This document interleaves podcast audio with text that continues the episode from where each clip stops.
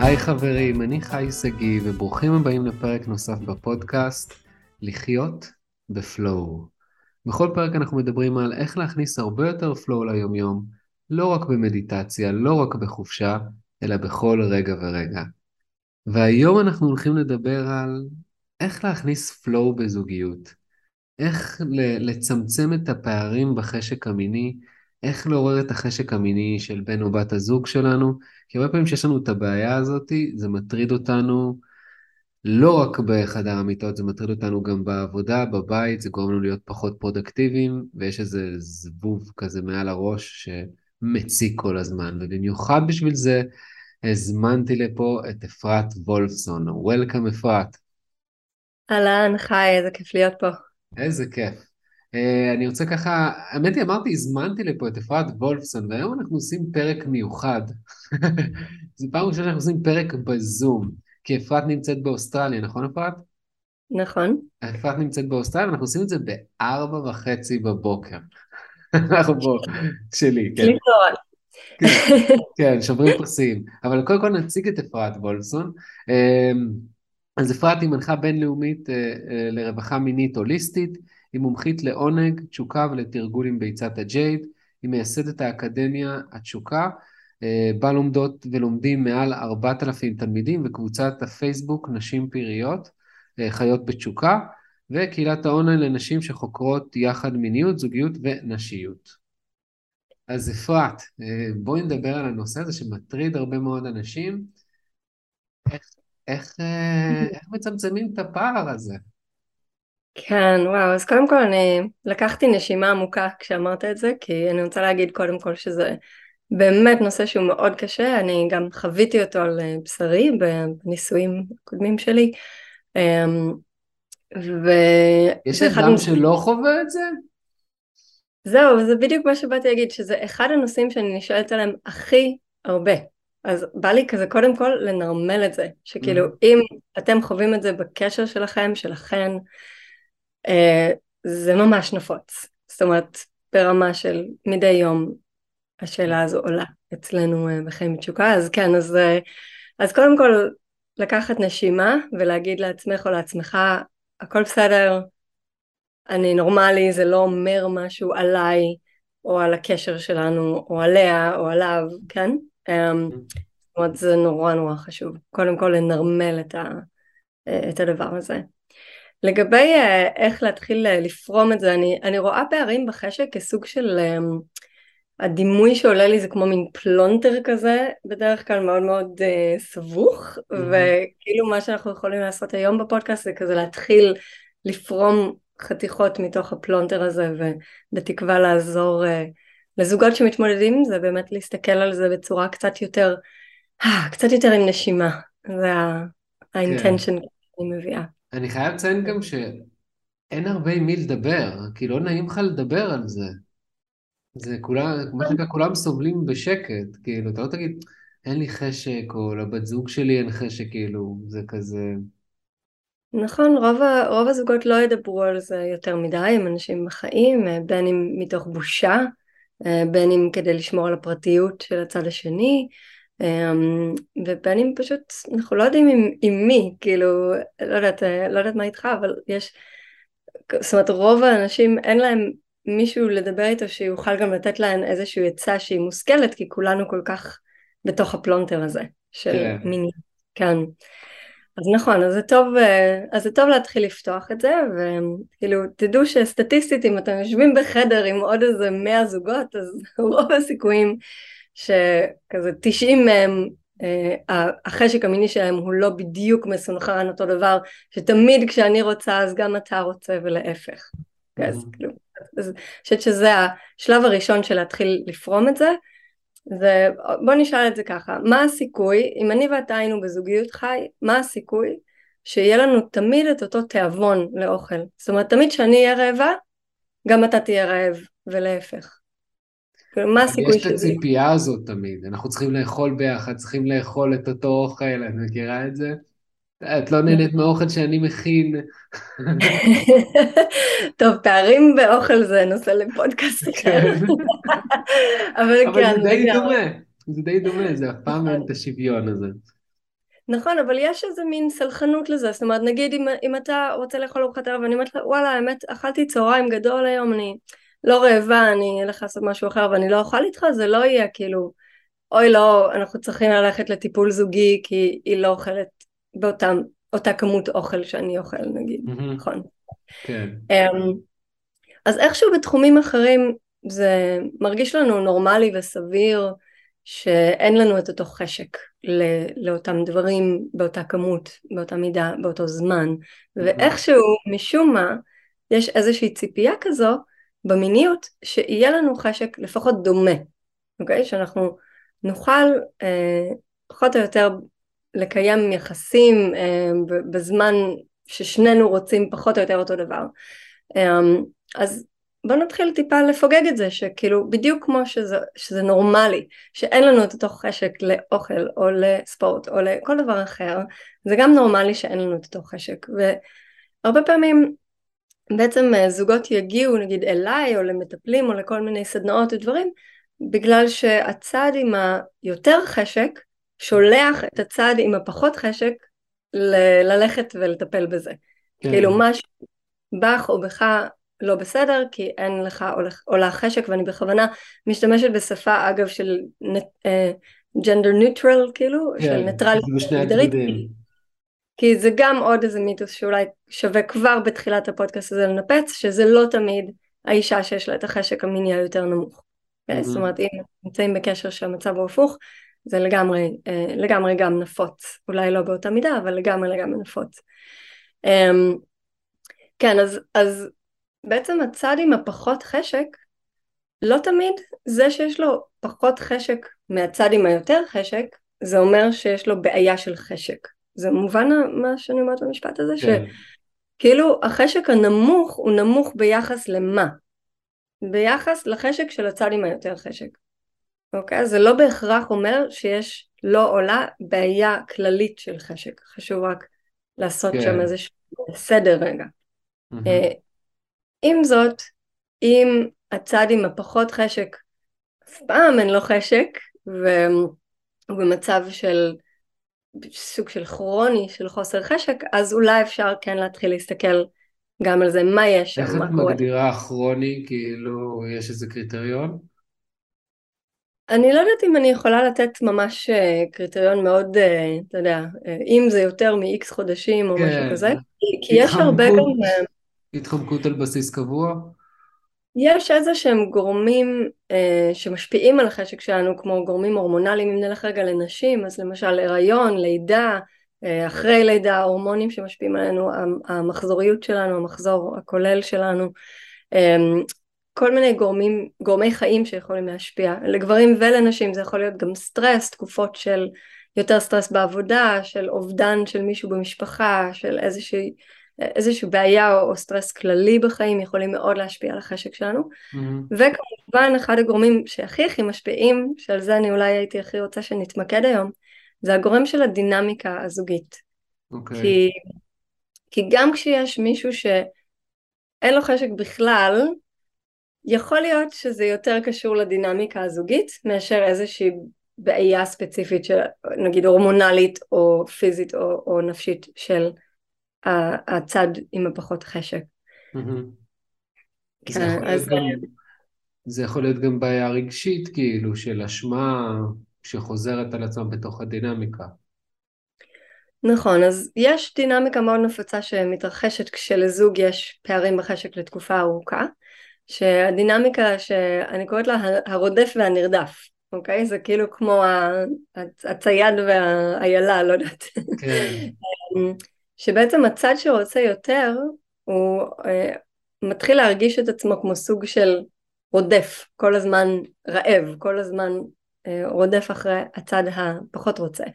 והצד הפחות רוצה מרגיש כמו איזה טרף כזה, שכל הזמן צריך להסתתר, אז אני שומעת מלא מנשים נגיד של כן, אני מעמידה פנים שאני ישנה, רק כדי שהוא לא יבוא וינסה, או עוד דבר מאוד נפוץ שקורה זה ש...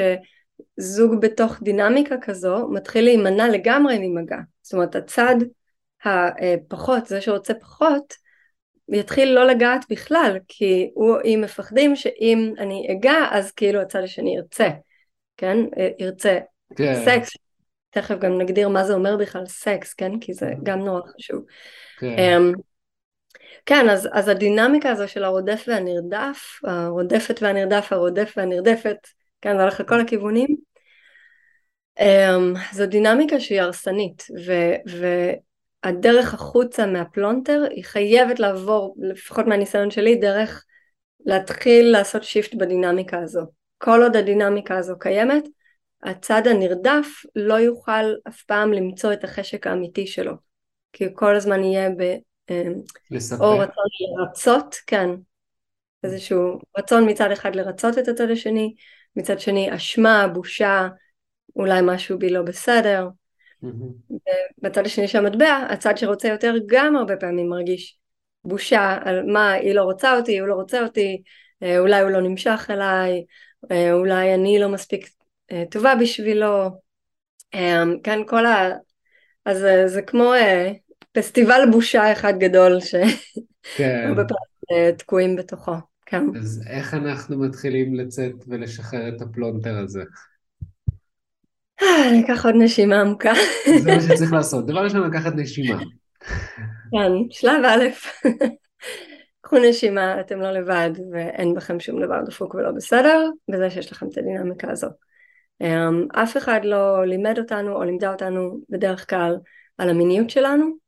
אמ, אנחנו מגיעים לתוך קשרים זוגיים עם במקרה הטוב חינוך מיני של בית ספר ואולי ההורים דיברו טיפה, כן, וקצת למדנו אולי מפורנו או מחברים או מסרטים, אה, אבל רובנו לא מגיעים לתוך קשרים זוגיים עם הרבה אה, הבנה או למידה של העולם המאוד רחב שנקרא המיניות האנושית, כן? Mm-hmm. אז קודם כל להיות שם בחמלה, לעצמך, לעצמך ולצד השני. אה, אוקיי, עכשיו שעשינו את זה, אז יש כמה דברים שאפשר להתחיל לעשות. קודם כל... להגיד רק חמלה זה מה שדיברנו בהתחלה, זה להגיד, אוקיי, הכל בסדר איתי, וכאילו זה לא אומר גם אם הבן זוג בסדר, כאילו עכשיו צריך לנסות להבין איך אה, מגשרים על הפער, או... נכון, וזה גם חמלה לצד השני, כאילו, אה, זה שהוא רוצה יותר ממני זה לא הופך אותו לאיזה סקס מניאק כזה, שהוא רק חושב על סקס כל היום, וזה שהיא רוצה, הוא רוצה פחות ממני, זה לא הופך אותה לפריג'ידית או לכאילו משהו בלא בסדר. זאת אומרת, כזה להתחיל להוריד ולקלף את המשמעויות ששמנו על הדבר הזה. Okay? אוקיי? זה לא אומר עליי משהו, זה לא אומר עליך, על הצד השני משהו. נורא נורא נורא חשוב. אחרי שעשינו את זה, אנחנו יכולים להתחיל להסתכל, אה, בוא נגיד להשתמש אפילו במשבר הזה של פערים בחשק, בקושי הזה, באתגר הזה, בתור הזדמנות להעמקה של המיניות הזוגית שלנו. ולמה אני אומרת את זה? כי האתגר הזה של פערים בחשק הוא מזמין אותנו להתבונן על האיכות של המפגש המיני שלנו. אז במקום להיות בפוקוס כל כך גדול על הכמות של המיניות, כן? כמה פעמים אנחנו שוכבים, ויש אנשים שממש סופרים את זה, כן? שממש יש להם את השעון הזה בראש של כמה זמן עבר מאז ששכבנו. כן? בטוחה שזה מוכר לחלק מהמאזינים שלנו. כן. אה, תורידו רגע, שחררו רגע את הפוקוס על הכמות, ובואו נעביר את הפוקוס אל האיכות. מה האיכות של המפגש המיני? בגלל שאם הצד שרוצה פחות לא מעוניין במפגש מיני שהוא מאוד טכני, או לא כל כך מספק, או לא כל כך מענג, או לא כל כך מחובר, אז זה יותר סימן לבריאות מצד הצד הזה שרוצה פחות, מאשר לאיזושהי בעיה אצלו או אצלה, כן? Mm-hmm. זה, זה מובן מה שאמרתי עכשיו? לגמרי. השאלה היא איך אנחנו מעמיקים את הקשר ואיך אנחנו עושים אותו יותר איכותי. וגם לא נראה לי. שתמיד אנחנו יודעים, כאילו לפחות, האם זה איכותי או לא איכותי. כאילו, יכולים להגיד, אני נהנה וטוב לי, וכאילו... כן. אז פה אפשר לעשות שיחה מאוד uh, מעניינת. בין אה, בני הזוג ולשאול מה הקריטריון שלך, מה הקריטריון שלך למיניות שהיא מספקת. זאת אומרת, איך אני יודעת שיצאתי ממפגש מיני עם תחושה של סיפוק, של mm, זה היה טוב, זה השאיר לי טעם של עוד, בא לי עוד. זה ממש יפה, כי ציפיתי שתתני לי עכשיו את הקריטריון, ואז אמרתי, יש את הקריטריון של אפרת, ואז את אומרת, לא, תשאל, תשאל את בת הזוג שלך, או תשאלי את בן הזוג שלך, איזה מקסים. לגמרי. לשחרר את הטלוויזיה, לשחרר את מה כולם עושים, קודם כל מה נכון לנו, כל אחד בפני עצמו, וגם מה נכון לזוג, לזוגיות שלנו. לגמרי, ממש ככה. אמ, ואז אנחנו יכולים גם לעשות, זאת אומרת השיחה הזו מעניינת כי אנחנו יכולים לראות אוקיי איזה קריטריונים הם משיקים, mm-hmm. זאת אומרת אולי גם לי חשוב להרגיש חיבור וגם לך חשוב להרגיש חיבור. כן. איזה קריטריונים הם נפרדים, זאת אומרת יכול להיות שלבן זוג שלי מאוד חשוב לחוות אורגזמה וזה כאילו מבחינתו אה, סימן שהיה מפגש מספק. אה, ויכול להיות שלי לא, שלי הקריטריון הזה הוא לא הכרחי, אני לא חייבת לחוות אורגזמה כדי שאני ארגיש סיפוק בסוף המפגש המיני. אז פשוט להתחיל לשים לב, וזה לא בקטע של, אתה יודע, אחד מאיתנו צודק והשני טועה או משהו כזה, אלא זה באמת פשוט לראות איפה יש הקבלות, איפה אין. Mm-hmm. מקומות האלה שאין, זה מקומות מעניינים שאפשר להתחיל לחקור אותם ביחד, אם רוצים. אמ, אז, ועצם, אני אגיד אפילו עוד משהו, עצם העובדה שאנחנו עושים את השיחה הזו, זה כבר יעלה את האיכות של המפגש המיני. כי עכשיו אני יודעת מה חשוב לך. ותתפלא אולי לשמוע חי כמה זוגות מעולם לא מדברים על המיניות שלהם. זאת אומרת, מדברים באמת, לא בקטע כן, של ריב. הם, הם יגידו אבל שהם מדברים, את יודעת? כן, אמרתי לה. אמרתי לה ש... לא יודע, שאני רוצה יותר. זה הדיבור, כאילו, אני מבינה. כן, לגמרי. לפתוח קצת כאן פה איזה טאב ולהגיד איך, אה, איך לדבר, כי גם זה, זה שיחה בפני עצמה. לגמרי, זו שיחה ענקית, אבל uh, אני כן יכולה לתת שם כמה אולי um, טיפים או עקרונות שיכולים לעזור, שזה יכול להיות ממש טוב ומחבר להיות, uh, להביא את, ה- את הפגיעות שלי, את מה שכאילו, אוקיי, אני אתן דוגמה אישית, זה נראה לי הכי קל, אוקיי? אז uh, לי הייתה תקופה שהחשק שלי ירד בקשר, בקשר הנוכחי שלי. Mm-hmm. שאגב, גם עכשיו אין לנו את אותו חשק מיני, כן? זאת אומרת, אם נרמלנו את זה מקודם, הבן זוג שלי מבחינתו פעם, פעמיים ביום זה ממש אחלה, mm-hmm. כאילו, ואני מבחינתי פעמיים, שלוש בשבוע זה ממש אחלה, ולפעמים פחות ולפעמים יותר, תלוי במחזוריות שלי, לא משנה, בקיצור, אז הייתה תקופה שהייתה לי ירידה בחשק יחסית משמעותית, והוא כזה היה טיפה לוחץ כזה סביב זה, ואז אני ממש ראיתי איך אנחנו נמצאים על הקצה של להיכנס לדינמיקה של הרודף והנרדפת. ממש היינו כזה כמו על הצוק כזה בקצה הצוק, כן. אנחנו עוד נוחתים לתוך זה. ואמרתי לו, שמע מותק, כאילו, אני רואה שכזה, זה קשה לך עם זה שאני רוצה פחות. Um, והנטייה הטבעית שלי היא כאילו של ריצוי. זאת אומרת, הגוף שלי כאילו כמו כל הדיפולט שלי היא לרצות אותך ולעשות את זה בכל זאת אפילו mm-hmm. שלא באמת בא לי בשבילך אבל mm-hmm. אני יודעת אני יודעת שאם אני אעשה את זה אנחנו נשלם על זה מחיר אנחנו ביחד נשלם mm-hmm. על זה מחיר כי אני אעשה את זה מתוך ריצוי יהיה לי רזנטמנט, ברח לי המילה בעברית סורי התנגדות התנגדות כן. כאילו טינה, לא. כן. יהיה לי טינה כאילו שאני אחזיק נגדך על זה כי כאילו לא באמת עשיתי את זה בשבילי וגם זה יכול ליצור, אה, שזה אגב משהו שחשוב להסביר אולי פה גם שכשהפוט שלנו, היוני כאילו לא באמת מוכנה לכניסה לתוכה אה, ואנחנו נכנסים אליה אז זה יכול ליצור כל מיני בעיות עבור נשים, זה יכול ליצור דלקות ופטריות וכאבים אה, בחדירה וכל מיני אישוז בעצם לטווח הארוך שכמובן יהפכו את המיניות להרבה יותר מאתגרת. אז לטווח הקצר אולי אני אשיג איזשהו אה, חיבור איתך, כי כאילו, אוקיי, עשיתי את זה בשבילך.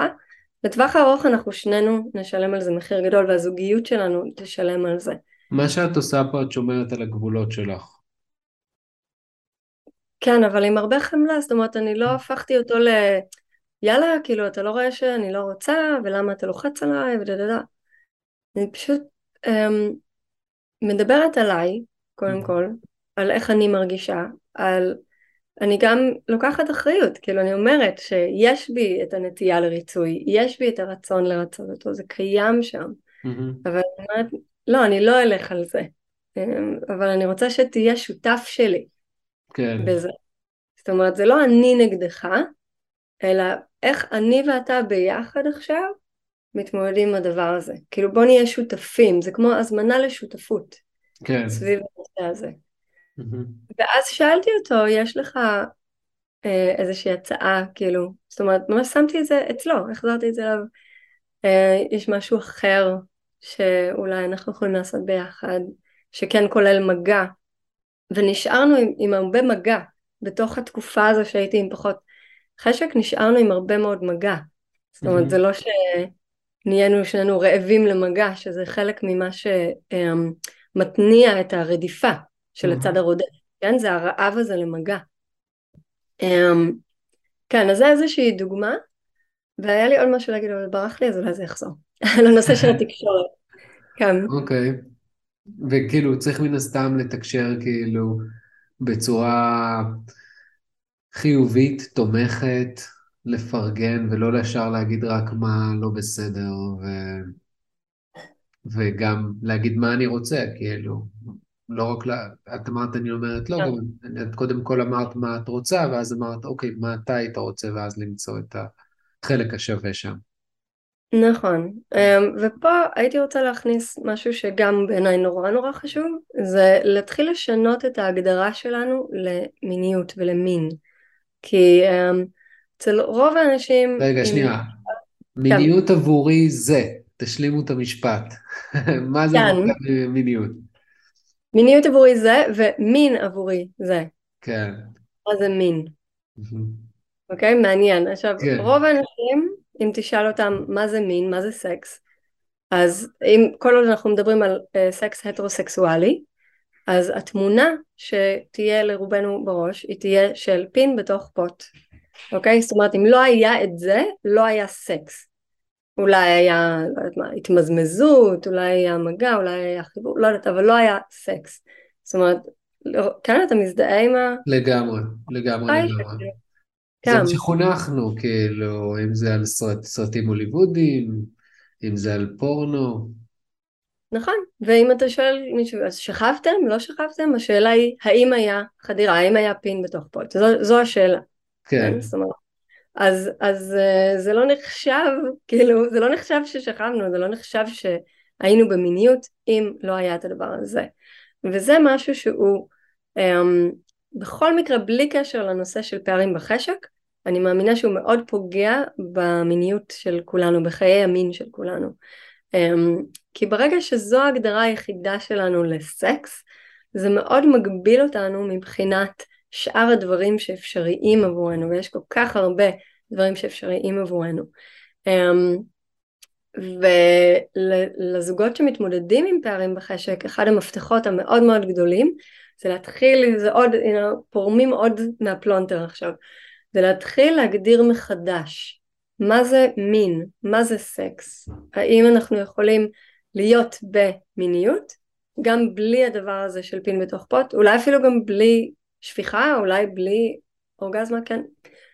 זאת אומרת להתחיל להרחיב את ההגדרה הזאת, mm-hmm. זה קריטי קריטי. לגמרי, yeah. זה מה שאני אוהב אצלך אפרת.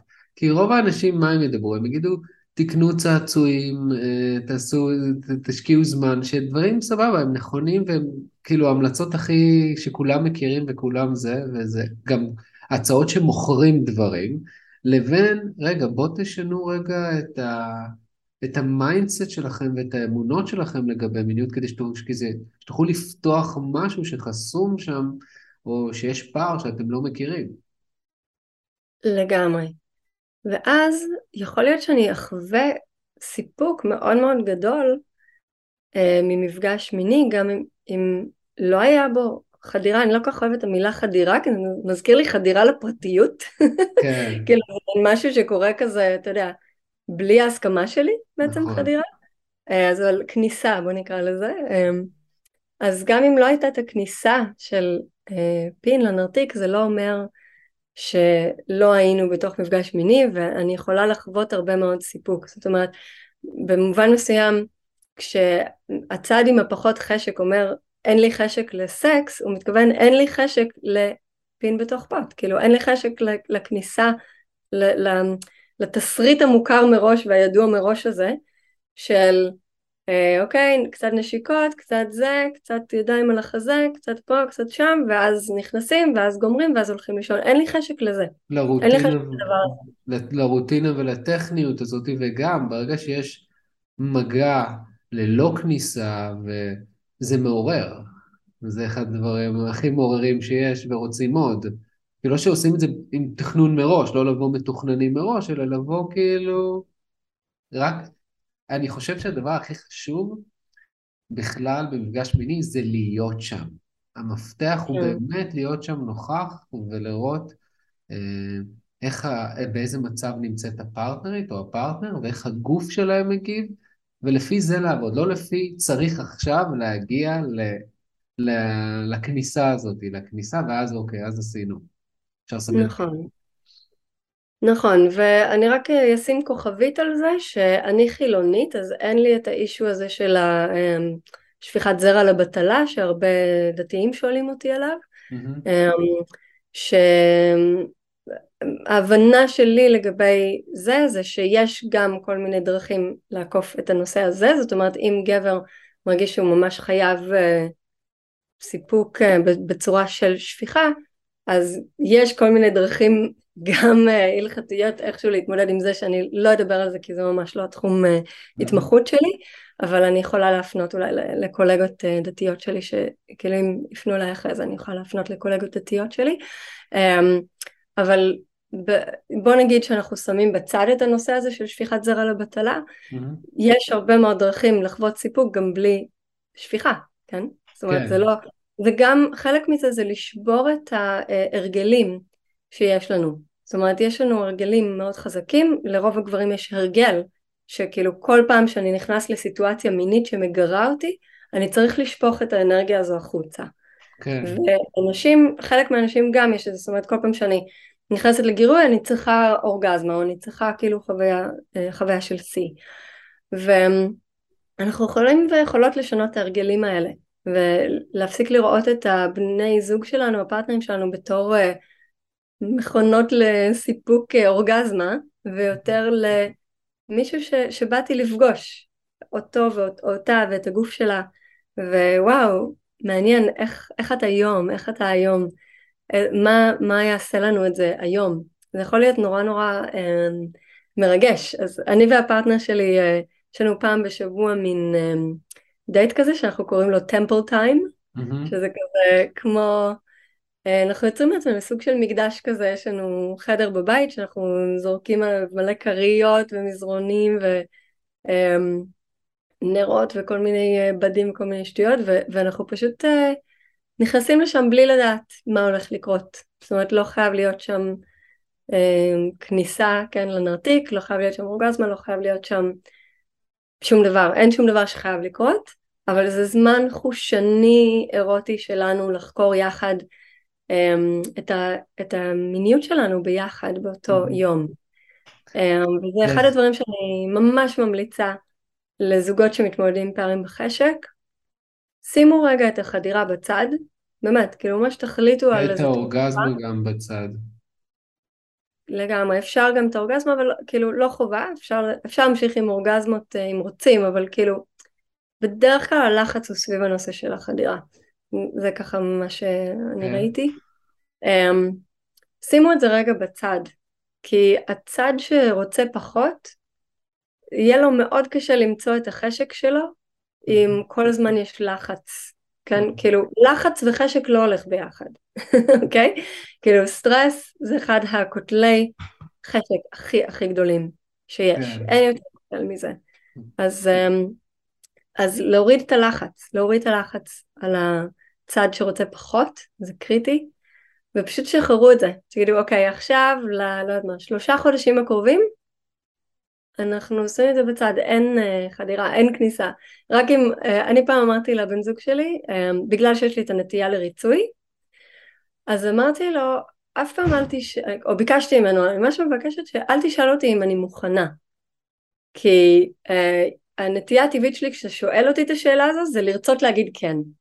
אוקיי. כאילו, אז גם אם אני לא לגמרי מוכנה, אני כזה, אה, טוב, כן, כאילו אני אזרז את עצמי. אמרתי לו, אני רוצה שתחכה שאני אה, לא רק אבקש ממך להיכנס, שאני אתחנן אליך להיכנס. אני חושב שזה המפתח, ואני מקווה שגברים מאזינים לזה. זה משפט כל כך חשוב, וה-state of mind הזה, אני לא נכנס לשום מקום עד שלא מתחננים ועד שאין ממש דורשים דרישה, כאילו, שכל הגוף, זה כל כך חשוב, זה גם, אני אגיד לך, זה אנרגיה אחרת. זה הרבה mm. יותר כיף, זה הרבה יותר נעים, אה, וזה גם הרבה פחות מתח. זה הרבה פחות... לגמרי. כי אם עכשיו נכנסים שצד אחד לא מוכן לזה, יש עדיין אי נעימות, יש מתח, זה לא כיף. לגמרי.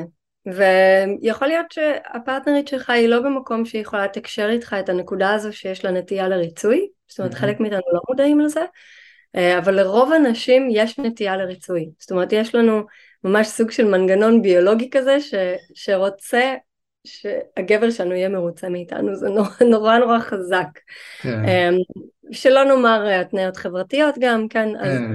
גם, גם לרוב... לגברים, אני רוצה להיות גבר טוב, אני רוצה להיות גבר מספק, לאישה, אני רוצה להיות אישה טובה, אישה טובה שעושה... לגמרי, לגמרי, כן, כי אני רוצה להיות אישה טובה, כל, ה, כל השיח הזה סביב אה, לתת, כאילו מה אכפת, מה אכפת לך? תני לו, כאילו, כאילו שסקס זה משהו שהאישה נותנת לגבר, כן. אה, סוג של אה, כזה פרס על התנהגות טובה או משהו כזה, הורדת את הזבל, כן. אני אתן לך, כאילו, זה, זה, זאת אומרת אני מגחכת על זה עכשיו, אבל זה נורא נורא עצוב, כי זה משהו שאני חייתי איתו הרבה מאוד שנים, אמ, וסבלתי מאוד, ואני עובדת עם נשים עכשיו, ואני שומעת את הסבל הזה, שהאמונה שסקס זה משהו שאת צריכה לתת לגבר, mm.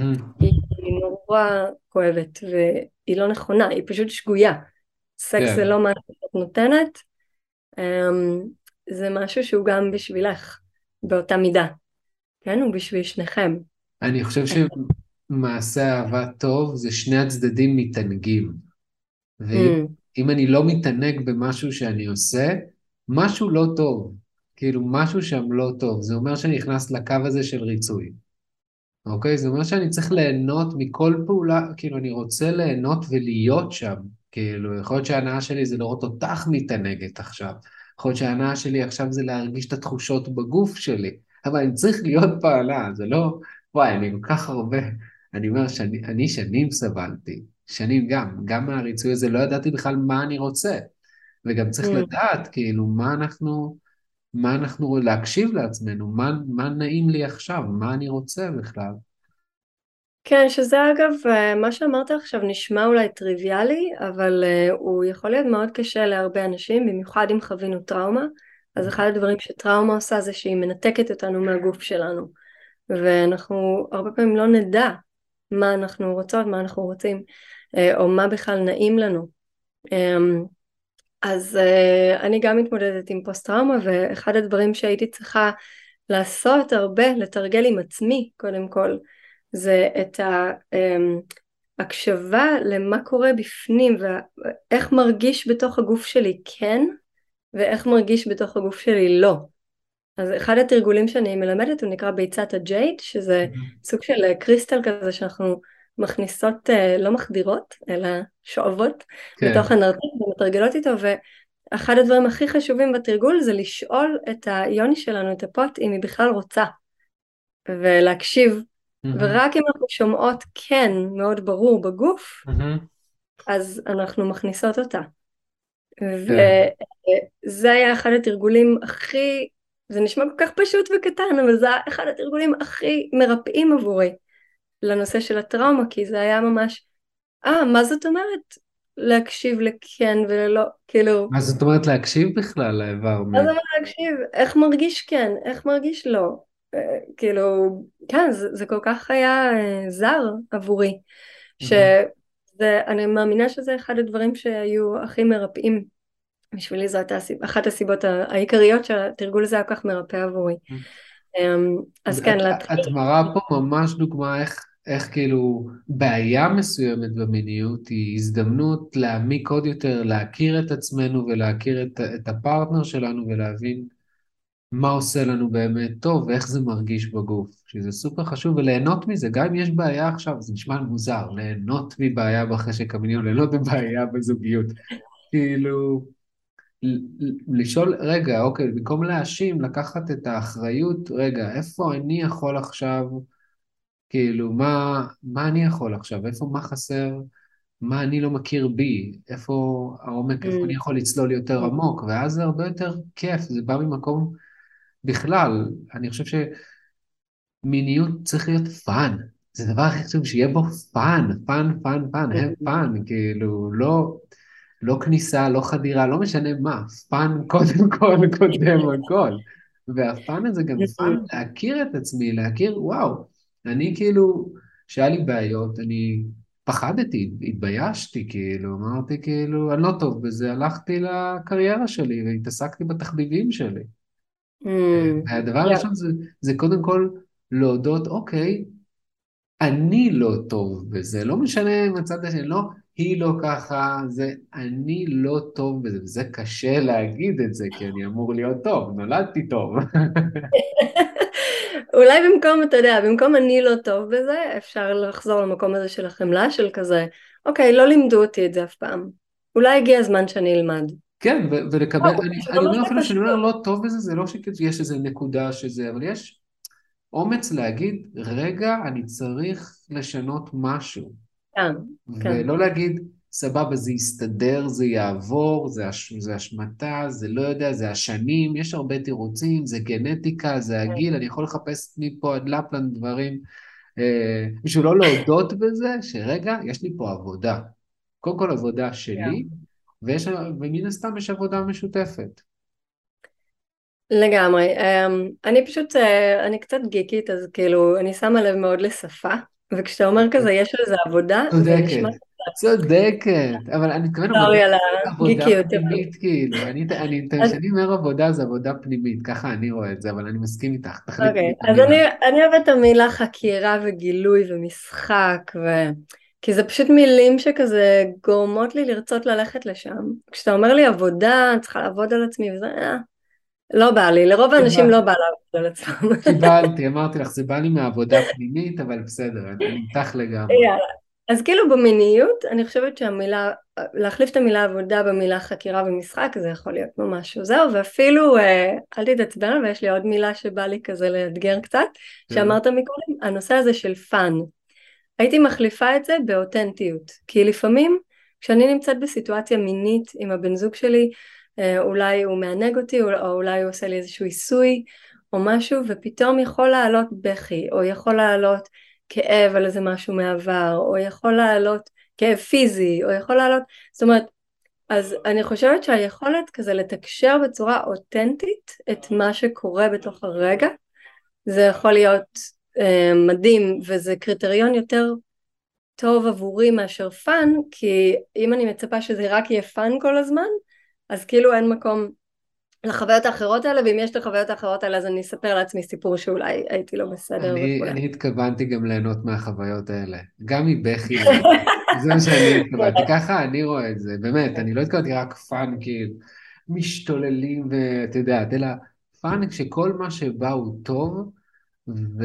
וגם אם יש עכשיו בכי ויש עכשיו כעס, זה לראות את זה בחמלה ולראות את זה, וואלה, זה, אני, באמת, אני באמת אומר, זה, זה בפאן, כאילו, אני ככה, אני רואה, אני בכלל לא חושב שכל מה שאנחנו עושים בסופו של דבר בחיים, אנחנו עושים המון סלטות כדי שיהיה לנו כיף, כאילו, כדי שיהיה לנו טוב עם עצמנו ושיהיה לנו כיף, וגם אפילו אם אנחנו בוכים, זה משחרר אותנו, וזה מרפא אותנו, וזה מוציא דברים, וזה גם כיף. אז כאילו, לא לשפוט את זה, אז כאילו... וגם, מדהים. אני חושב שזה גם מאוד, אני משתמש הרבה במילה fun, כי אנשים שוכחים את זה, והם מאוד נכנסים למטרות, כמו שאמרנו, של, של, mm. של כניסה, של אורגזמה, ורגע, איפה שני גופים שעכשיו נהנים ומשחקים ביחד, כמו, לא יודע, כמו שתי חיות, ומתמזגים ביחד, וזה ה fun, mm. זה לא ה... כאילו...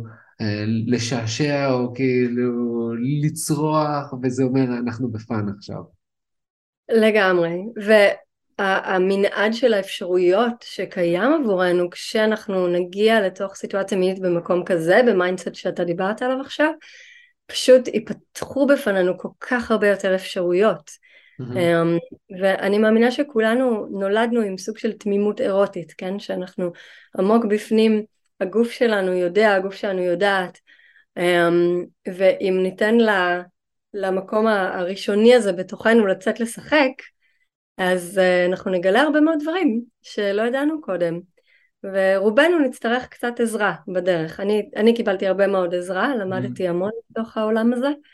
אמ, אבל גם לשמחתי אני לא נמשכתי למורים או למורות שהיו מאוד כזה אוקיי תעשו א' ב' ג' כזה כן? אלא תמיד זה היה כזה להחזיר אותי אליי להחזיר אותי לגוף כמו שאמרנו מקודם לזהות את הכן ולא של הגוף שלי אה, ולהתחיל להקשיב לאיך הגוף שלי רוצה לזוז גם בתוך סיטואציה מינית. הרבה מאיתנו יש לנו תנועות נורא ספציפיות שאנחנו עושות בתוך סיטואציה מינית. לפעמים כן. שאני רואה סרטים כאילו הוליוודים שיש um, כשיש אה, סצנה מינית אני כזה יואו כאילו אם הבן זוג שלי היה דופק אותי ככה אני הייתי כאילו ביי כזה כן. כאילו התנועות המכניות האלה של בום בום בום וגם הרצון. הזה לעשות הרבה תנוחות וכאילו משקיעים הרבה בתנוחות כן.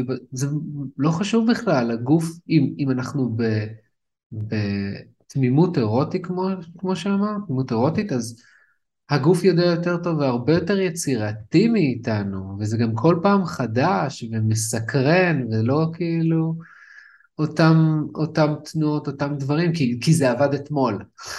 אז אם זה עבד אתמול, זה יעבוד היום, סביר להניח. ממש לא. כי אנחנו כל כך אה, משתנים, שונים, ו... ואנחנו לא מנסים לטמפלט. כן, והחיים הם דינמיים ובמיוחד אה, לנשים יש לנו שינויים מאוד גדולים שקורים בגוף לאורך החודש, אה, נשים שעדיין במחזוריות שלהן, של הווסת ולבוא עם מין טמפלט כזה כמו שאתה אומר וכאילו לדעת שאה אוקיי אם אני אעשה א' פלוס ב' ואלחץ על כפתור ג' יחד עם א' אז זה יביא לתוצאה X כן? והגישה המכנית לסקס הזאת היא מה שגורמת הרבה פעמים לבן או בת הזוג שאיתנו להרגיש שאנחנו לא באמת שם איתם. כן, כן? אז אה, זה, אני אשתמש בשפה מגדרית עכשיו, אבל זה יכול להיות גם לפעמים הפוך, אבל הרבה נשים אומרות כזה, אני רק רוצה שהוא יהיה נוכח איתי. כאילו כן. שיהיה נוכח, שלא ינסה להגמיר אותי, שלא נכון, ינסה כאילו... הרבה פעמים, אני משלים אותך, שהרבה פעמים נגיד, גברים יכולים להיתקע על איבר מסוים כי זה עבד פעם קודמת, ולמה זה לא עובד? לא. אז זה למה זה לא עובד. וגם מה זה אומר עבד? כן, אני יודע, אני בכוונה צוחק, אני נכנס לראש, אני נכנס לראש של איך רואים את זה, כן. שאנחנו בתוך ה... שוב, זה גם גברים וגם נשים, הרבה פעמים גם לנשים יש הרגלים, שאם פעם אחת מישהי חוותה אורגזמה בצורה מסוימת, אז היא אוהבת יותר סוג מסוים, והיא נכנסת לזה, ולפעמים נכון. כאילו אין הקשבה, כאילו מי שיכול להיכנס למעשה, למעשה אהבה מאוד אה, אה, אנרגטי, או לחפש אלימות אפילו, והצד השני יכול להגיד, רגע, אני, איפה אני? כן. אז... לגמרי. לגמרי, אז אנחנו, אפשר להרחיב את, ה, את המנעד הזה גם קודם כל עם עצמנו, mm-hmm. כן, שוב בחקירה של כל אחד עם עצמו, כל אחת עם עצמה, ואז ביחד, ולהביא את זה ביחד, ואני מאוד אה, רואה ערך בתרגול האישי. אני חושבת שזה אחד המפתחות הגדולים גדולים. אה, אני, לא. אני שנים נמנעתי מזה, ולא. הבנתי כמה זה חשוב, כמה זה קריטי, קריטי, קריטי, קריטי, ואני חושב שגם כל מה שאנחנו מדברים פה זה להשקיע את הזמן. זה, כן. זה את החקירה הזאת, התרגול, את ה... אה, כאילו, ברח לי המילה באנגלית, זה כאילו retrain, לאמן מחדש את, ה, את הגוף שלנו, לחזור לגוף שלנו, וזה זה לא יכול לקרות פתאום, ב, זה יכול לקרות, אבל זה נדיר שכאילו פתאום במעשה אהבה עם פרטנרית או עם פרטנר פתאום נצליח כאילו לשחרר הרבה הרגלים ודפוסים, אנחנו צריכים קודם לשחרר אותם גם לבד, גם להבין מה מענג אותנו, מה עושה לנו טוב, ואז לעבור אה, יחד. ולתרגל מה, ואז להוסיף את הצד השני, את האנרגיה הנוספת שנמצאת שם, זה, זה אנרגיה. וגם משהו שאמרת. שאמרת, חשוב להגיד, זה שאתם עושים את המקדש שלכם, זה להקדיש זמן.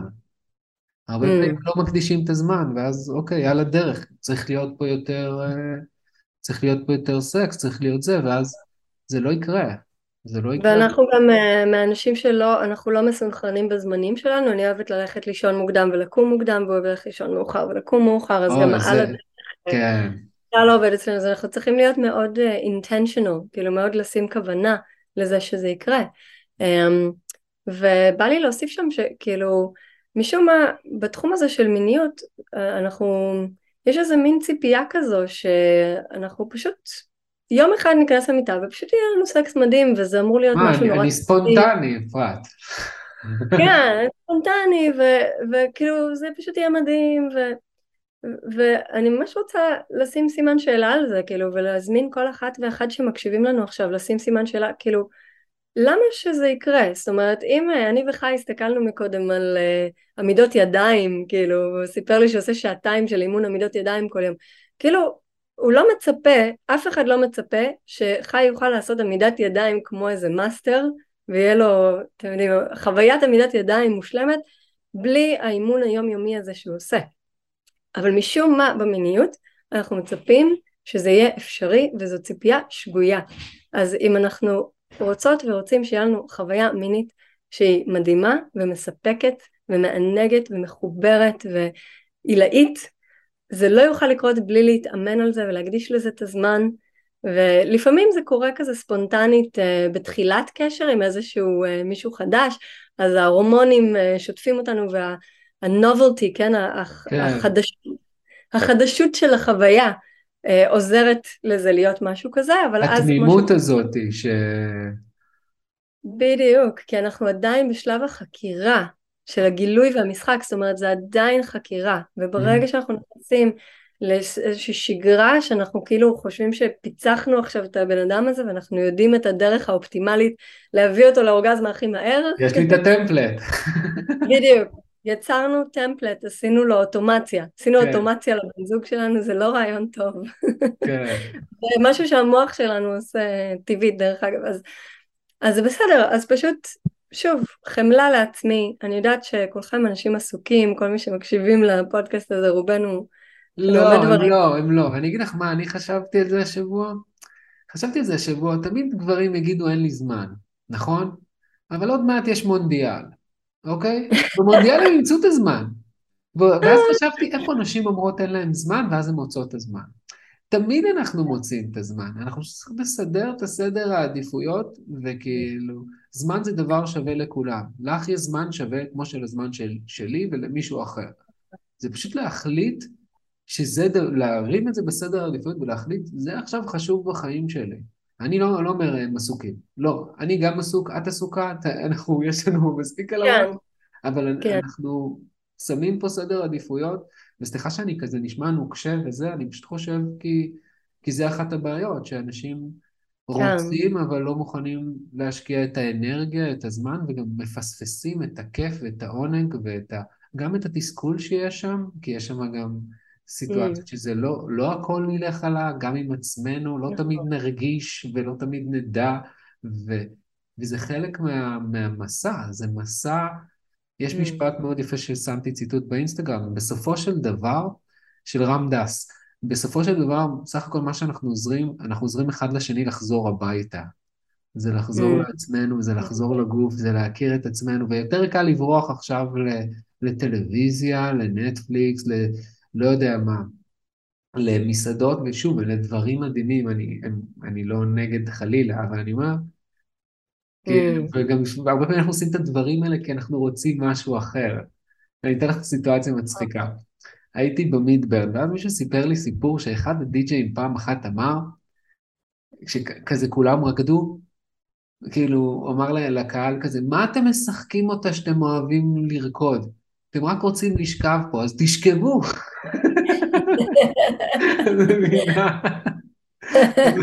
זה ממש מצחיק, כאילו.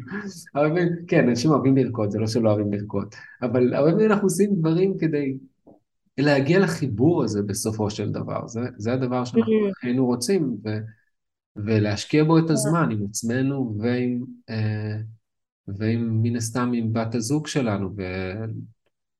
ואני, שוב, אני בא מניסיון שלי שברחתי מזה, ואיך יכלתי לשפר את זה, וכאילו, מהמם. לא, לא, לא מצאנו זמן, לא הכנסנו, לא הכנסנו את זה ללוז, כאילו, נשמע להכניס ללוז, נשמע רע, כאילו.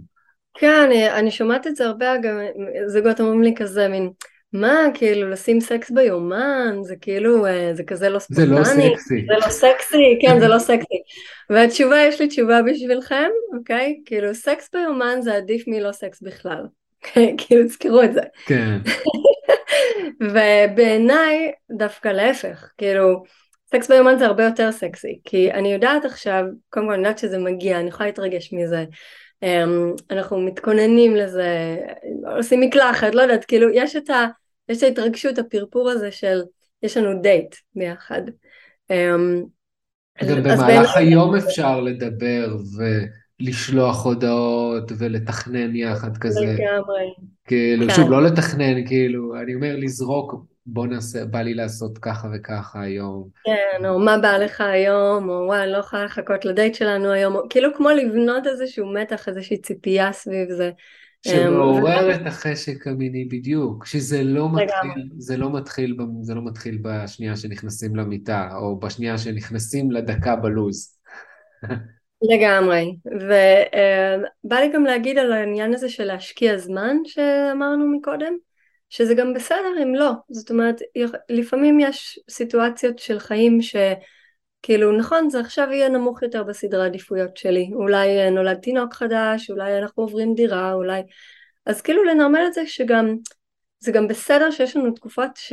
שאולי אנחנו נשים את זה יותר נמוך בסדרי העדיפויות, אבל פשוט אל תצפו שאם זה נמוך כרגע בסדרי העדיפויות, אז שבאופן טבעי יהיה לנו פשוט סקס מדהים וספונטני ותמיד נרצה ביחד ותמיד אה, בלה בלה בלה, כן? זה הנקודה אה, יותר בעיניי, שכאילו בואו נשים את הציפיות שלנו במקום ריאלי, כדי שלא נתאכזב מעצמנו, מהבני זוג שלנו, אמ, ואז כשיגיע הזמן שתחליטו וואו אוקיי עכשיו אני מוכנה לצאת לאיזשהו מסע או אה, ככה לשדרג את המיניות הזוגית. בעצמי ביחד אה, אז ייי אז תדעו שיש המון משאבים עבורכם והמון דברים שזמינים שאפשר לעשות כדי ללמוד ולהרחיב ולהעשיר את עצמנו ו, אה, ולהיפגש ממקום אחר יותר מחובר ויותר אה, כן אחרי שתרגלנו כמו שאמרנו. לגמרי. מה את חושבת על סדנאות משותפות, או ללכת ל- לטיפול ביחד? Um, אני חושבת שיש הרבה אפשרויות שם בחוץ בימינו, uh, הרבה יותר מאשר כשאני התחלתי דרך אגב uh, את הדרך של ללמד את זה, שאני מלמדת כבר אולי שמונה שנים, משהו כזה. Um, אז בימינו יש הרבה מאוד אפשרויות, uh, יש uh, עכשיו הרבה רעש סביב הנושא של uh, סדנאות של מיניות בארץ ובעולם, uh, שיש סדנאות ש...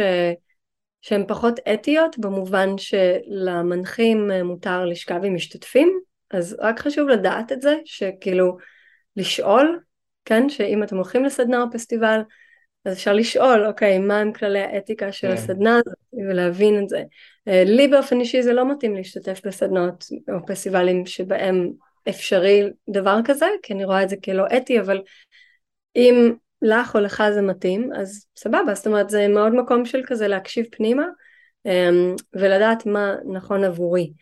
אה, אם, את, אה, אם אתם מגיעים ממקום פוסט טראומטי שעברתם טראומה מינית, ההמלצה שלי היא אמ, לא להיכנס למרחב של סדנה בתור דבר ראשון, אלא דווקא אולי לעשות קורס אונליין או טיפול אחד על אחד, אמ, שלא מכניס אתכם לתוך סיטואציה שאתם תצטרכו לשמור על הגבולות שלכם מול אנשים אחרים, שכמו שדיברנו מקודם, אה, מי שעבר טראומה לא בהכרח יודע או יודעת מה אני מרגישה בגוף, ייקח לי זמן להבין כן. שחציתי את הגבולות שלי, או שמישהו אחר חוצה את הגבולות שלי, אז, אה, אז אה, לא הייתי עושה את זה בתור שלב ראשון, אבל חושב ש- זה אולי יכול להיות שלב המשך. אני חושב שקורס אונליין זה, זה, זה מקסים.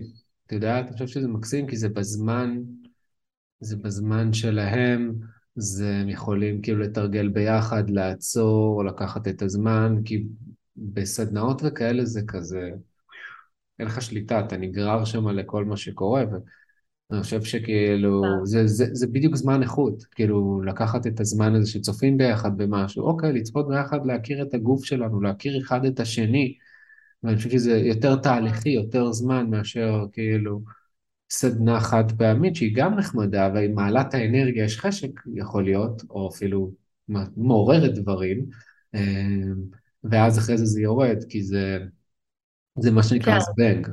אה, נכון, זאת אומרת קורס אונליין נשאר איתך ו- ואתם יכולים לחזור אליו שוב ושוב, זה משהו, זה פשוט חוויה אחרת, זה, כל כן. אחד מהם זה חוויה אחרת. Um, לנו יש קורס אונליין לזוגות uh, שנקרא לגעת ביחד, שהוא מורכב משני קורסים של לגעת גבר לנשים ולגעת אישה לגברים, אז זה קורס שהוא יותר מתאים לזוגות. שאני חייב לציין שהם קורסים מעולים, מעולים, מעולים.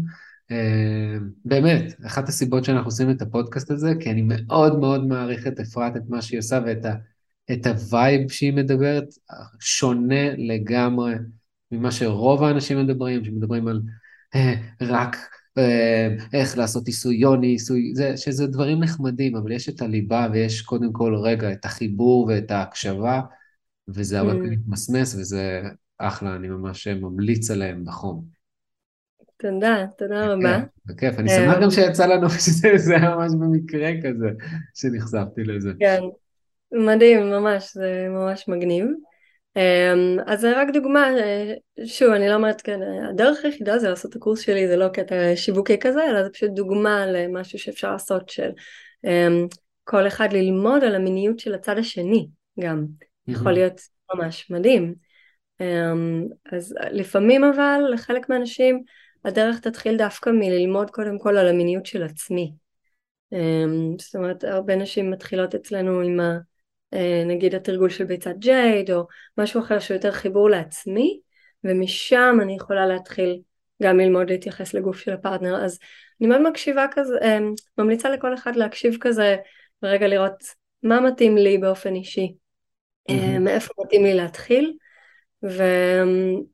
ושוב כאילו אולי אה, להתחיל מדברים שהם יותר מיילד אה, ולאט לאט כאילו אל תתחילו מללכת למועדון BDSM או כן כאילו כן. יש דברים שהם אה, כל מה שאתם רואים בוויינט עשרה דברים שמעוררים את החשק הזה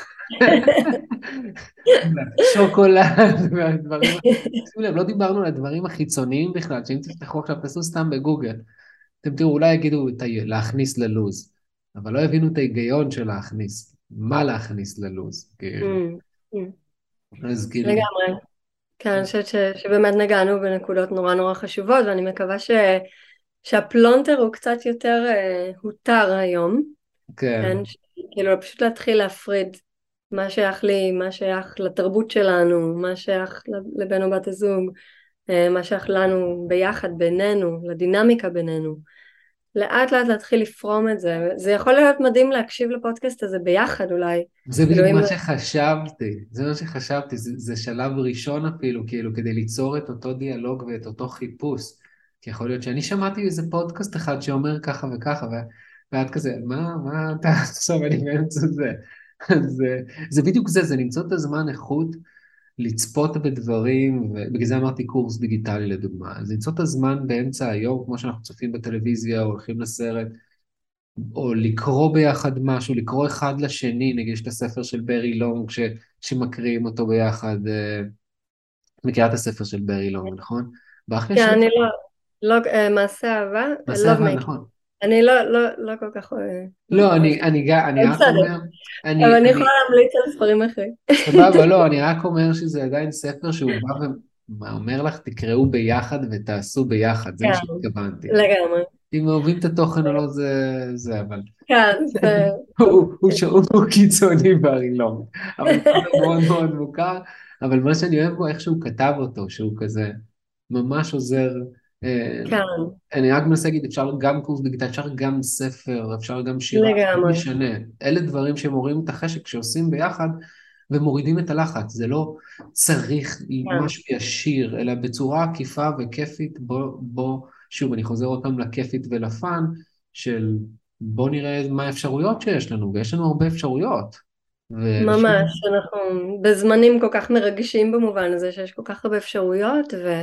אה, וגם יש הרבה יותר סיכוי אה, לרתום את בן או בת הזוג שלנו להקשיב לפודקאסט או לעשות קורס דיגיטלי ביחד או זה מאשר בואו נלך לסדנת מיניות. זה יכול להיות משהו נורא נכון, מעיין נכון. עבור אה, פרטנר או פרטנרית להתחיל לחלוק את הדברים הנורא אינטימיים שלנו בקבוצה כן. יכול להיות בקשה יכול להיות כל מיני דברים. אז כאילו תהיו עדינים אחד עם השני זה את שאני הייתי הרבה זמן מתוסכלת מזה שהבן זוג שלי לא הולך איתי לסדנאות ואז החלטתי וואלה, כאילו, זה בסדר, זה ממש בסדר שהוא לא רוצה ללכת איתי לסדנות, כאילו, לא כל אחד אה, רוצה ללכת ולחשוף את החיים. זה גם רמת התפתחות, תודעה, כל אחד נמצא במקום אחר, כמה הוא רוצה, רמת חשיפה גם של, ה, של אותו בן אדם, וזה, וזה בסדר גמור. אני פעם הייתי בחיים.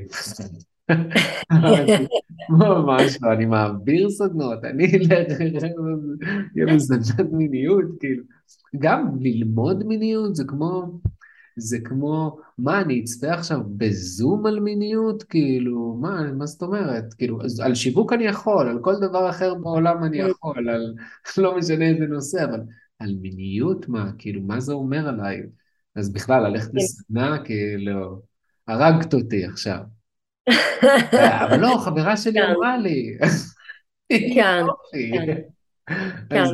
מדהים כמה, כמה זוגות אתה תמצא בסדנות האלה, שכאילו אחד מהם פשוט נגרר לשם באוזן. כן, ולא... והוא כזה מתכווץ שם ומתפתל, וישר רואים את זה, וזה לא כיף. זה ממש לא כיף, וגם, זה, גם יש פה את החלק של הריצוי שדיברנו, שאתה רוצה כאילו...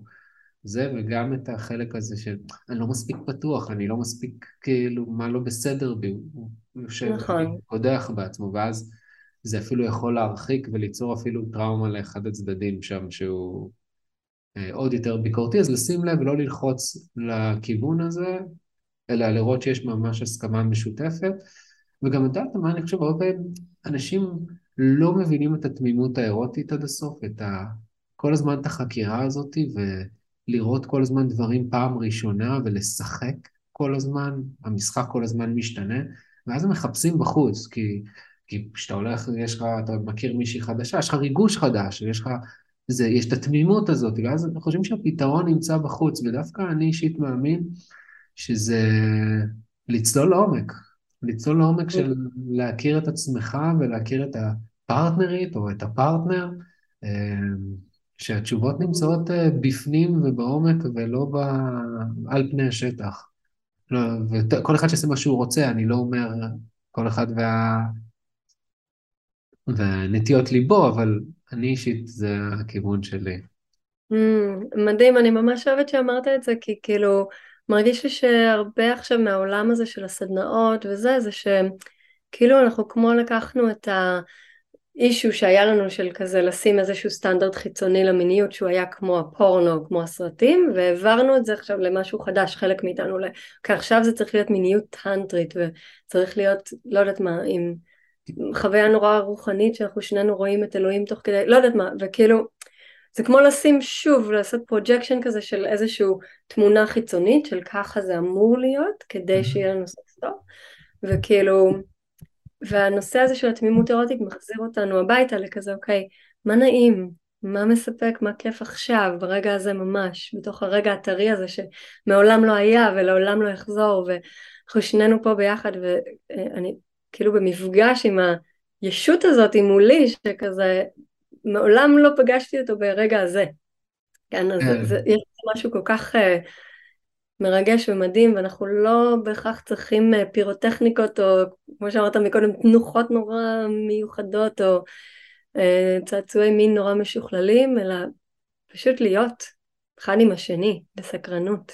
ולהרגיש את השינויים הקטנים שקורים כל יום, את התנועות הקטנות, התחושות בפנים, זה, זה כאילו, את קוראת לזה universe, פלנטות שמשתנות שם כל הזמן. universe, ה universe. כאילו, כן, כן ה universe, זה מדהים בעיניי. זה, כן. זה מדהים, ולהבין כמה, בכלל, ב, ב, באיברים המיניים שלנו, כמה כוח יש בזה. כמה אנרגיית חיים יש בדבר הזה, שזה מטורף, ולחקור את זה ולהתעניין בזה, ולא לא כאילו להתעלם מהאיבר הזה. כאילו, אנחנו הרבה פעמים מתעלמים מזה, כי, כי ככה מלמדים אותנו, כאילו, עשיתי, עשיתי מדיטציה, ויפאסנה, ואומרים לסרוק כל שלב בגוף, ועל האיבר מין לא מדברים. כאילו, מהבטן קופצים. זה מטורף. זה קטע, זה קטע איך יש לי התעלמות, יש לי חברה שהיא אה, מעשה אירובדית, אז היא לימדה אותי עיסוי אירובדי כן. אמ, ואמרתי לה, אוקיי, אז אני מלמדת נשים לעשות את כל מה שאת דילגת עליו. כן, לגמרי, כאילו, זהו. לומדות עיסוי שדיים ועיסוי הוני עצמי וכל הדברים האלה. כאילו זה פשוט אזורים שמדלגים עליהם, כאילו זה לא קיים, או יוגה נידרה כזה של. כן. לא קיים, כאילו, למה? למה בעצם? זה, זה חלק מאיתנו וזה חלק טבעי, שזה מצד אחד כל כך טבעי, מצד שני כל כך טאבו, למה? כן. זה מוזר, אין כאילו עוד תחום כזה נראה לי. ואז אנחנו מאבדים את התחושה.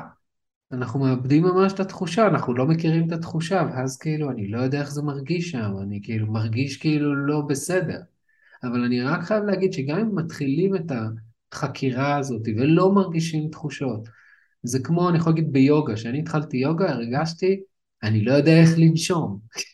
כאילו, התבאסתי על עצמי, לומדים איך לנשום. הוא אומר, אתם נושמים עכשיו כמו תינוק שהוא נושם לבטן. ואתה אומר, בוא'נה, אני לא יודע איך לנשום. אז זה אותו דבר, זה לכבד את זה ולתת לזה את הזמן ואת הזמן, חמלה, אהבה ופאן. ופאן, לעשות את זה, כאילו, גם שקשה, למצוא, אוקיי, איך אני נהנה פה? מה, אני בכלל, כל דבר, אם מסובך לי, איך אני נהנה? איך אני נהנה? וזה זה הכי חשוב, איך, איך אתם נהנים ביחד ואיך אה, מביאים את עצמכם בנוכחות. איך אני מעמיק יותר ומביא את מי שאני על כל הצבעים. אה, אני חושב שזה לב ליבו של הדבר, ואני חושב שדיברנו פה מדהים על המון המון דברים, כאילו, אני ממש שמח שגם דיברנו על, mm. על השורש, ולא על כאילו כל מה ש... על הטריקים הקטנים, אתה יודע, כי ישר אחרי שקנית כזה, אוקיי, יאללה, אפרת, מה 1, 2, תביא לי את ה-1, 2, 3 שלך. אני מתכוון? שרציתי לשאול אותך, תני לי איזה 1, 2, 3, כי... אז אמרתי, לא, לא, לא צריך את זה. לא mm. צריך את זה. 1, 2, 3 נמצא בגוף, נמצא כן.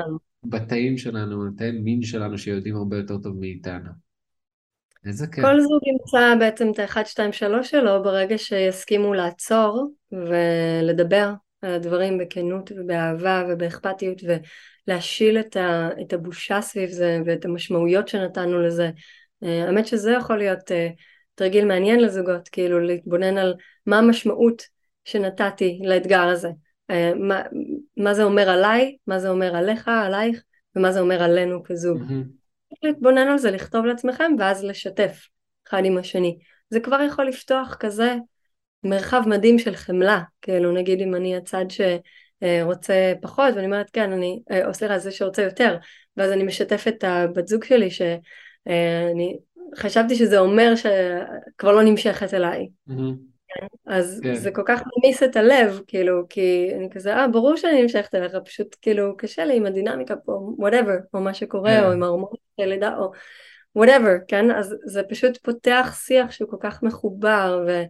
אה, ואמיתי, ברגע שאנחנו נהיה מוכנים להתבונן על זה, לשוחח על זה, ואז לחקור יחד אופציות חדשות, באמת לשים בצד את הרעיון של הכניסה, החדירה, whatever איך שנקרא yeah. כן. לזה, לשים את זה בצד לתקופה, ורק לשחק, ורק לתת לצד שרוצה פחות ליזום, כן? לגמרי. לתת לא לבוא לידי ביטוי, אם אני ככה מסכמת את כל ה... כן, ולהבין שאנחנו באותה קבוצה בסופו של דבר, זה לא אחד נגד השני, וזה לא אחד יותר מהשני, וזה לא אחד מפקיע יותר, או אחד אה, מוסר יותר, זה משחק קבוצתי. ואיזה, יש לי, יש לי אה, פינה קבועה בפודקאסט, איזה משפט היה מסכם את מה שדיברנו פה עכשיו? סתם משפט שעולה לך שאני יכול לשים אותו על המקרר כמגנט. Hmm. Hmm. Uh, וואו, לא, לא יודעת למה זה עולה לי, אבל כאילו עולה לי פשוט הכל בסדר, אתם נורמלים. כאילו, אוקיי. אני מרגישה שכאילו 99% מהשאלות שאנשים שואלים אותי בתור מנחה למיניות הם האם אני נורמלי? האם אני בסדר? כן. זה בעצם מה שיושב מתחת לשאלה. זה אפילו אז האם אני, האם אני מספיק טוב, זה חוזר לריצוי. האם אני מספיק טוב, האם אני בן אדם טוב, האם אני ילד טוב, זה כאילו הולך ל- למקום הכי אה, שורשי שלנו, שאנחנו רוצים להרגיש שאנחנו בסדר, לא להרגיש שאנחנו לא רעים או לא טובים או לא מספקים. אה, כן, אז אולי זה כאילו, את כבר מספיק טובה, אתה כבר מספיק טוב, ויש פשוט עוד מה ללמוד בנושא הזה. כן, ו- Mm, וליהנות מה, מהמקום שבו אתה או את נמצאים, וזה, וזה המקום mm, הכי טוב, וזה המקום, זה השער פתיחה והכניסה לחקירה הזאת, ואני מקווה שעשינו חשק לאנשים, שעשינו להם חשק, לא, לא לחפש את החשק המיני, אלא את החקירה הזאת, את ה... אה, עכשיו, mm. איך אני, איפה, איפה, איפה זה, יש לכם את החשק להתחשק, כן, כן, החשק החשק לגלות את להתחשק, החשק, החשק החשק. לגמרי, החשק להתחשק, Mm, זה ממש. יפה. אז אפרת, איפה אפשר להשיג אותך?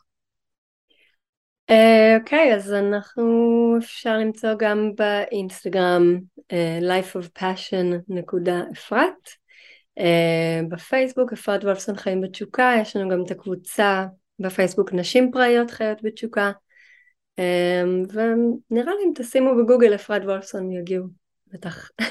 כן. מאמרים ורעיונות והאתר שלנו, יש שם הרבה מאוד אה, הדרכות חינמיות שאפשר אה, ליהנות מהם, אה, קורסים, אז כן, וכמו. שאמרתי, אני ממש ממליץ לצלול אה, לתכנים ולתהליכים של אפרת, כי יצא לי להכיר, אני חוקר את זה והכרתי המון אה, בארץ, בעולם, ואני מאוד מתחבר לגישה ולעשייה של אפרת, וזה חד ומדויק, וצללו פנימה לעומק. עזבי אותך יוטיוב, לא, לא, שצללו פנימה לעומק.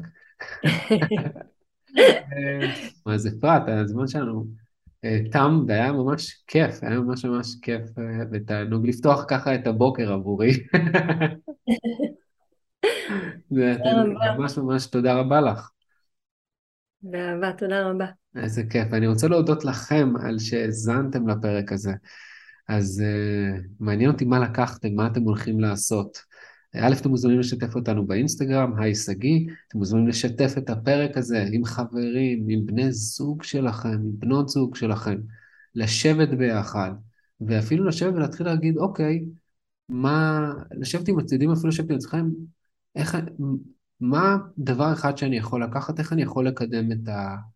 את החקירה שלי, איזה צעד אני יכול לעשות, אני יכול ספר, אני יכול קורס, אני יכול מיליון ואחת דברים לעשות, או אני יכול לקחת זמן לעצמי, או עם הבת זוג, לקבוע את המקדש, דיברנו פה על כל כך הרבה דברים, אז מהו הדבר הזה האחד שאתם אה, עושים עם עצמכם ועם בת הזוג שלנו לעשות את השיחה, אה, את השיחה האוהבת והחומלת, וה...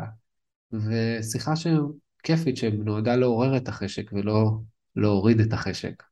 אני חושב שזה, זה, אז אני, אז תשאלו את עצמכם את הדבר הזה, אני מאחל לכם המשך יום נפלא, אה, עם המון אה, אהבה ופאן, ופאן, וכמו שאנחנו מסיימים כל פרק, אה, may the flow be with you, צ'או חברים.